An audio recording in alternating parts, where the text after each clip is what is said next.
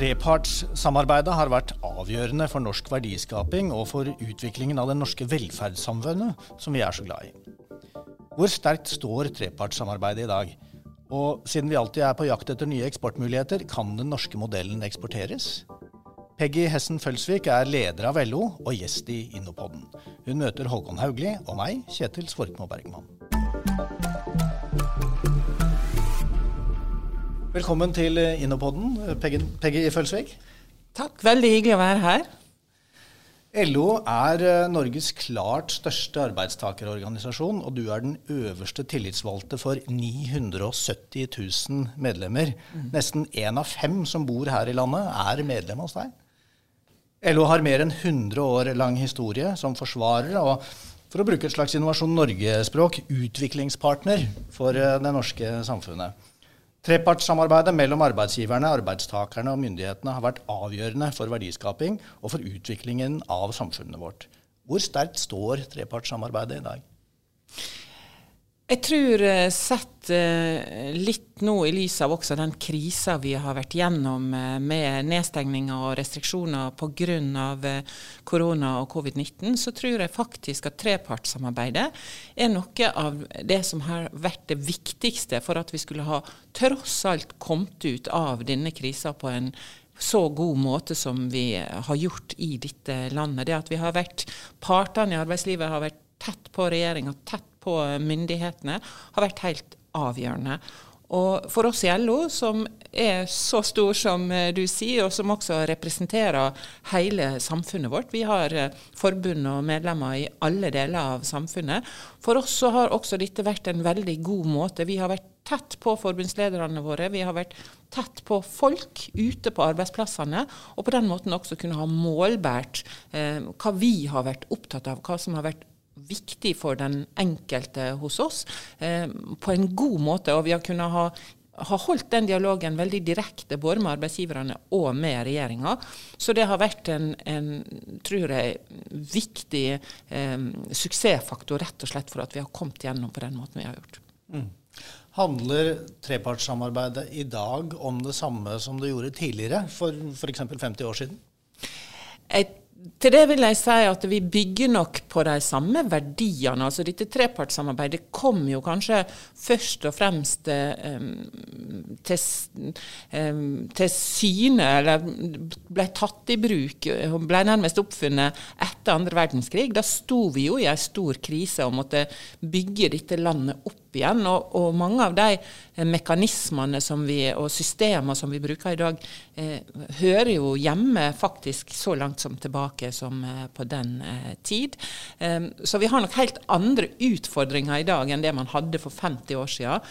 Men, men arbeidsmetodikken og på en måte det systemet som vi har utvikla, er jo det samme. Og så møter vi jo stadig nye utfordringer. Da må vi fornye og utvikle også det samarbeidet. Og igjen tilbake igjen til denne koronakrisa. Så er det jo nettopp det jeg mener vi har klart å gjøre, da.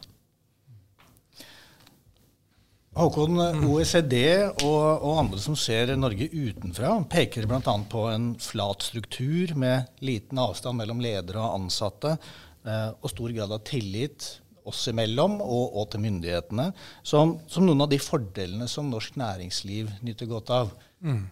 Ser du på det som et resultat av trepartssamarbeidet? Absolutt. Um, det er veldig mange fasetter av dette som, um, uh, som det er verdt å reflektere rundt. Uh, det ene er vi, lønnsforskjeller. altså Den norske modellen handler også om at forskjellen på lavtlønte og høytlønte ikke er så stor. Det er veldig innovasjonsfremmende. Det betyr at det å erstatte en lavtlønt medarbeider det, eh, med teknologi, det har man et insentiv til i virksomhetene. Og, og det innebærer også at f.eks. ingeniører er ganske lavt lønnet i Norge. Så må man finne løsninger da, for de som, eh, oppgavene som automatiseres, men dette over tid bidrar til innovasjonskraft. Men enda viktigere tror jeg er hvordan dette fungerer i praksis i tilliten mellom arbeidstakere og arbeidsgivere på den enkelte arbeidsplass. Den tryggheten som eh, ansatte har for at ikke de risikerer jobben ved å si fra om ting som ikke fungerer, det er kjempebra. Og det gjør at i Norge da, så vil jeg si at fagarbeidere ofte gjør den jobben som ingeniører gjør i andre land, og kontinuerlig driver altså si, løpende utviklings- og innovasjonsarbeid. De finner feil, tar, griper tak i feila på selvstendig grunnlag, men også har en tillitsbasert dialog med sine, sine ledere. Og jeg vil si også på samfunnsnivå, det, er veldig mye å si der også, men det er klart de mekanismene vi har, har på plass da, for, å, for, å, ta tak i, eller for å drive lønnsforhandlinger f.eks., at det er fredsplikt og ro i arbeidslivet mellom de forhandlingsperiodene, er også med å bidra til at det norske næringslivet lykkes med utviklings- og innovasjonsarbeid, og at vi har vil jeg si, et av verdens mest innovative, fremoverlente næringsliv. Så det er en veldig, veldig tett kobling mellom det vi kan kalle den norske modellen og, og innovasjon innovasjon, næringsutvikling. Det Håkon snakker om her, er jo det som vi ofte kaller for medarbeiderdrevet innovasjon, som skjer ute på arbeidsplassen. Eh, og jeg tenker Når vi snakker om den norske modellen, så snakker vi jo gjerne om trepartssamarbeid, men kanskje det som er enda viktigere, er jo det partssamarbeidet som foregår ute på arbeidsplassene. Det at vi har høy organisasjonsgrad, at vi har sterke tillitsvalgte som er godt skolerte, og som Håkon også sier at det ikke er så stor avstand. De er gitt en myndighet som gjør at det ikke er så stor avstand mellom tillitsvalgte og leder. ikke sant? At man sammen kan drive med denne her eh, utviklinga på arbeidsplassen hele tida. Det gir jo veldig gode resultat. Og vi jobber jo tett med det også sammen med eh, NHO bl.a. Vi har et eget sekretariat som er ute og driver utviklingsprosjekt ute på arbeidsplassene i samarbeid med tillitsvalgte og ledere, som gir veldig gode resultat.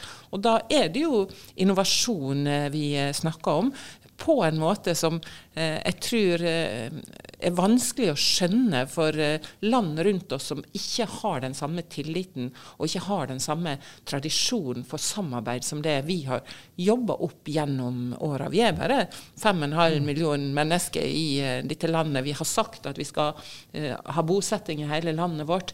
Da trenger vi å jobbe smart, og dette er jo en del av rett og slett den samfunnsstrukturen som vi må ta vare på også framover, tenker jeg. Vi skal inn i noen store utfordringer. Vi skal eh, lage, bygge nye grønne næringer, skape nye arbeidsplasser over hele landet framover. Da trenger vi denne kraften hvis vi skal få det til. Mm.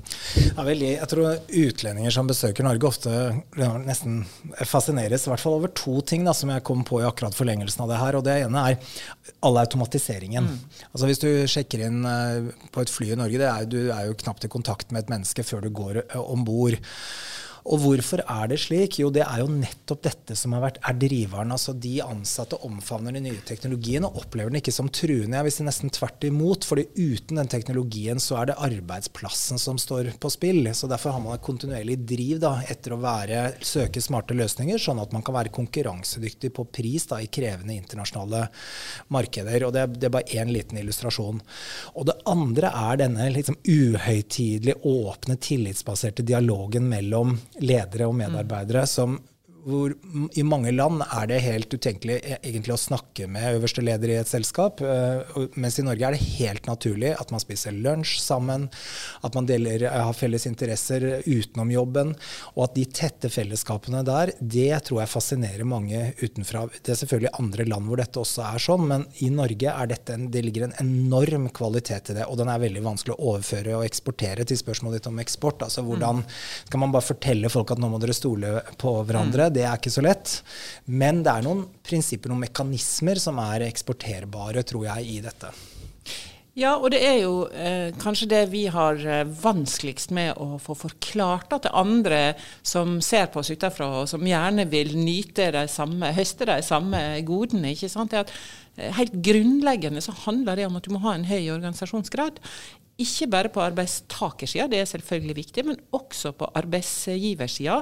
Eh, måten vi har oppnådd akkurat det som Håkon sier her, er jo at vi har eh, pressa lønnsnivået opp. Vi har et høyt lønnsnivå i Norge. Det gjør at bedriftene faktisk da må være innovative sammen med de tillitsvalgte. Ellers så får vi sånne tilstander som vi har sett nå i byggenæringa i Oslo f.eks., der man i stedet for eh, satser på billig arbeidskraft. Eh, du har ikke organisasjoner inne, du får et useriøst arbeidsliv. Og du får lavere produktivitet fordi man i stedet for konkurrerer på lønns- og arbeidsvilkår. Så det syns jeg er et veldig godt mm. eksempel på at uh, det ikke er riktig vei å gå. Men det er vanskelig også å forklare for våre uh, fagforeningsvenner i utlandet, nemlig at det er denne høye organisasjonsgraden som er hele nøkkelen til at vi skal få til akkurat dette. Og Derfor er det så viktig for oss i LO også å ha med både arbeidsgivere, men også myndigheter som skjønner at det rett og slett er en forutsetning for denne samfunnsmodellen. Jeg tenkte egentlig jeg skulle spørre deg om, om, du kunne se at LO av og til kunne oppleves som en brems for innovasjon. Men, men du tar jo fatt i akkurat det motsatte. ja, men jeg mener at vi er faktisk akkurat det, det, motsatte. Det var jo Stefan Löfven, den tidligere svenske statsministeren, som sa det en gang at nei, jeg er ikke redd for ny teknologi, jeg er redd for gammel teknologi. Og det syns jeg er en veldig god måte å si det på. Vi er jo også eh, Vi har et høyt utdanningsnivå i Norge, eh, og vi er jo også gode på å ta i bruk eh, ny teknologi og digitale løsninger. Så det er jo den ene sida av det. Men den andre sida av å få til dette er jo at vi må ha en sterk eh, velferdsstat. Vi må ha eh, en, en, regjering som er med oss på å, å, å, å støtte om om kompetanseutvikling, eh, bl.a. For det er jo viktig at uh, hvis man skal ha en sånn framoverlent holdning i bedriftene, så må arbeidstakerne også oppfatte at de blir tatt med i denne utviklinga. Og da handler det i stor grad om å utvikle kompetanse. Og så må vi også ha ordninger som gjør at du fortsatt kan leve et anstendig liv og ha håp om ei anstendig framtid om du nå blir ramma av omstillinga på arbeidsplassen din. Så her må liksom alle disse delene av denne modellen fungere sammen. da. En annen rolle som jeg syns er spennende i akkurat denne diskusjonen, det er jo LO og også NHO og andre foreningers rolle i å legge premisser for eller understreke viktigheten av å utvikle nytt næringsliv. Uh, og der er det jo, og det, Peggy var jo så vidt innom det, med uh, som vi, fremover vet vi vi skal leve av noe annet. Og da er det det å ha arbeidstakerorganisasjoner som er opptatt av at det skapes arbeidsplasser, er utrolig viktig. Og det, at det um, bæres med, med, autoritet og tydelighet inn i politikken, at det er verktøy og prosesser på plass for å gripe de mulighetene vi har, det er viktig. Og sånn sett så at ikke foreningen, og det er der vi er langt derfra, blir konserverende og sier det næringslivet vi har i dag, det er det næringslivet vi skal ha. Men vi skal utvikle det nye, et bærekraftig næringsliv. Og der har jo jeg opplevd LO som kjempegod på å peke på muligheter. særlig innenfor det grønne, som batterier, hydrogen, havvind, sirkulær økonomi, bioøkonomi kan bli en veldig lang liste, da, men hvor, hvor, LO har en utrolig viktig stemme inn mot myndighetene. Og dette er jo av stor betydning for Innovasjon Norges samfunnsoppdrag også. Mm. Og det har vi jo lagt ned en stor jobb på nå igjen i tett samarbeid med NHO, på å peke nettopp inn i disse nye næringene og peke på noen av de som vi mener vi har gode forutsetninger for å lykkes framover. Og det er klart Når to eh, sterke parter da går sammen og sier til myndighetene hei, dette syns vi dere bør være med oss på, så, så, blir det en veldig sterk kraft i Norge som gjør at vi også eh, påvirker eh, samfunnet vårt og er en samfunnsaktør, og det skal vi jo også være. Eh, du var litt inne på eh, det internasjonale arbeidet deres. Mm. Kan du si litt mer om, om hvordan dere, dere jobber internasjonalt? Ja, Vi jobber jo på mange ulike områder. For det første er vi jo del av et nordisk eh, fellesskap. Og, og her eh, høster vi jo erfaringer og får nye ideer og samarbeider godt i Norden. Det er viktig for oss også fordi Norge er ikke er medlem i EU, men er en del av EØS-avtalen. Så det å ha den stemma også inn i EU-systemet er viktig for oss. Eh, så er vi jo medlem av internasjonalene, de internasjonale LO-ene og de internasjonale fagforeningene fagforeningene og er en tydelig stemme der. Og I tillegg til det så driver vi jo også bl.a. demokratibygging rundt om i hele verden og har egne prosjekt med fagforeninger også i det jeg vil kalle for utviklingsland. Da. Og Der er det jo også den norske modellen vi har med oss. Vi har med oss likestillingsperspektivet, selvfølgelig veldig høyt på banen, menneskerettigheter, men også det å å løfte arbeidsfolk sine vilkår fra helt andre forhold enn det vi eh, ser i dag, det er vi jo, er vi jo opptatt av. Og så er vi jo selvfølgelig, følger vi også selvfølgelig med eh, de norske store bedriftene og konsernene når de etablerer seg i utlandet. Og apropos det å ekspertere modellen. Vi ser jo at de store, seriøse bedriftene våre bruker jo også mye av denne norske tenkninga og denne norske arbeidsmetodikken når de kommer til utlandet så er jo det selvfølgelig ikke like enkelt å gjennomføre helt ut når du kommer til andre kulturer. Men at de har med seg disse norske verdiene, det er jo vi også eh, passer på både å minne dem på og følge med på, ikke minst de tillitsvalgte i selskapene. Det er et veldig interessant poeng. Dette handler jo også om å være en attraktiv arbeidsplass i de landene man etablerer virksomhet i. Bare det f.eks. å gi rett til fødselspermisjon er jo, et, um, det er jo noe man ikke nødvendigvis er pålagt med ved lov da, i de landene det gjelder, men hvor norske bedrifter velger å gjøre det uh, uansett, fordi de vet at det gjør dem attraktive for arbeidstakere i det markedet. Og det oppfyller på en måte den kontrakten de har med sine ansatte, uh, både hjemme og ute. Så det er noen, jeg synes jeg, masse gode eksempler på det, da, at bedriftene tar med seg både det vi kaller norske verdier og den norske modellen ut i, i, verden, og sånn sett faktisk øker sin konkurransekraft. Det er ikke bare en kostnad, det henter de inn igjen på andre områder. Og dette er noe vi, vi, kan se når Innovasjon Norge følger norske bedrifter ut i verden? Ja, det varierer jo selvsagt hvor godt norske bedrifter lykkes ut i verden. Det handler jo om veldig mange ting. Men ja, vi kan se dette. Vi har en rekke eksempler på at det er dette, dette som skjer. Og så selvfølgelig også varierende grad av det. Det skal også sies.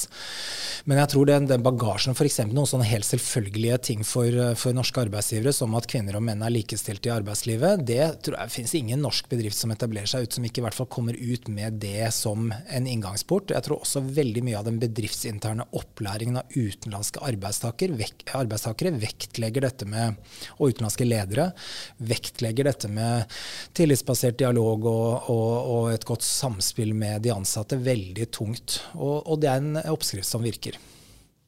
Og våre tillitsvalgte og fagforeninger i de store norske konsernene eh, blir jo også veldig ofte oppfordra til å ha kontakt med fagforeningene i de landene der som de etablerer seg, og har etter hvert fått et, et, godt forhold også på den måten. Jeg har jo opplevd både eh, bedrifter som har etablert seg i Tyskland og, og også utenfor Europa, der de ser til Eh, den norske modellen og lærer av hverandre, og er i direkte kontakt tillitsvalgte, norske tillitsvalgte og i de andre eh, bedriftene, og har et veldig godt og tett eh, samarbeid. Og det bidrar, tror jeg, til stabilitet også i de landene og i de bedriftene der norske, der norske aktører etablerer seg. Du, hvis jeg bare spørre, stille et spørsmål, ja, altså det, Hvis vi øh, prøver å kikke litt inn i krystallkula. Krevende, selvsagt. Men hvis vi ser sånn ti år frem i tid, hvordan, hvordan tror du eh, trepartssamarbeid og, og, dette ser ut da? Eller hva håper du? ja, altså LO er større enn vi noen gang har vært. Eh, vi må også fornye oss hele tida for å tiltrekke oss eh, medlemmer. Men, men jeg tror bl.a. den krisa som vi har vært igjennom nå, da har vist veldig mange eh, både viktigheten av å ha en trygghet i det å være organisert, men også det at LO er en viktig samfunnsaktør. Skal vi klare det, så må vi også ha eh, en regjering og myndigheter som, som, rett og slett hjelper oss med eh, å kunne bygge eh, organisasjoner og holde en høy organisasjonsgrad også fremover. Akkurat nå ruller det jo ut med gode ting fra Arbeids- og sosialdepartementet, Arbeids- og inkluderingsdepartementet, som skal hjelpe oss med akkurat det. Dette handler om seriøsitet i arbeidslivet, bl.a. Så akkurat nå er jeg ganske optimistisk eh, i så måte. Eh, men det krever altså en innsats, ikke bare fra oss som fagforeninger i det å rekruttere, men vi må også ha arbeidsgiverne med oss. Og vi må ikke minst ha eh, regjeringa og myndighetene med oss i å ta vare på denne modellen, sånn at vi også kan utvikle den videre. Jeg tror den blir helt avgjørende skal vi klare disse store utfordringene som vi står overfor, bl.a. i det grønne skiftet som vi skal inn i. Mm. Det er jo noen som har ment at um, særlig frontfaget, eller frontfagsmodellen, er under press. Mm. Uh, og at det også i koronakrisen har kommet noen si, urimelige utslag da, av det. Er det en bekymring du deler, eller hva, hva, hva, tenker du rundt det? Vi opplever jo nå at det er enkelte særgrupper som nærmest hevder at de fortjener mer enn andre fordi de har stått under et stort eh, press gjennom eh, denne perioden. Eh, og det er ingen tvil om at helsevesenet vårt bl.a. er det grupper som har hatt det tøft. Men jeg tenker vi skal også huske på at kanskje de som har hatt det aller tøffest, er jo de nesten 400 000 som faktisk sto uten arbeid, som enten var arbeidsledige eller permitterte når denne krisa var på sitt verste. Det er den høyeste arbeidsledigheten som vi har sett i dette landet siden krigen. Så de er faktisk de som eh, jeg mener har tatt den aller største belastninga. Og det er jo nettopp det denne frontfagsmodellen gjør, da, det at LO er så breie at vi binder på en måte alle sektorer i forhold til det som konkurranseutsatt industri kan tåle.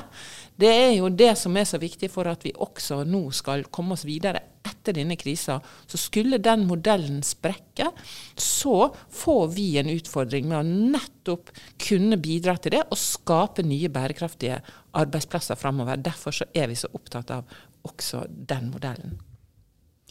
Jeg tror vi i alle fall kan konkludere at uh, trepartssamarbeidet har vært viktig for norsk næringsliv og samfunnet vårt, og det kommer til å være det framover. Og det er vel i grunnen så langt vi kommer i denne Innepoden. Takk skal du ha, Peggy Hessen Følsvik, leder av LO, for at du var med oss, og takk til Håkon Haugli. Mitt navn er Kjetil Svorkmo Bergman.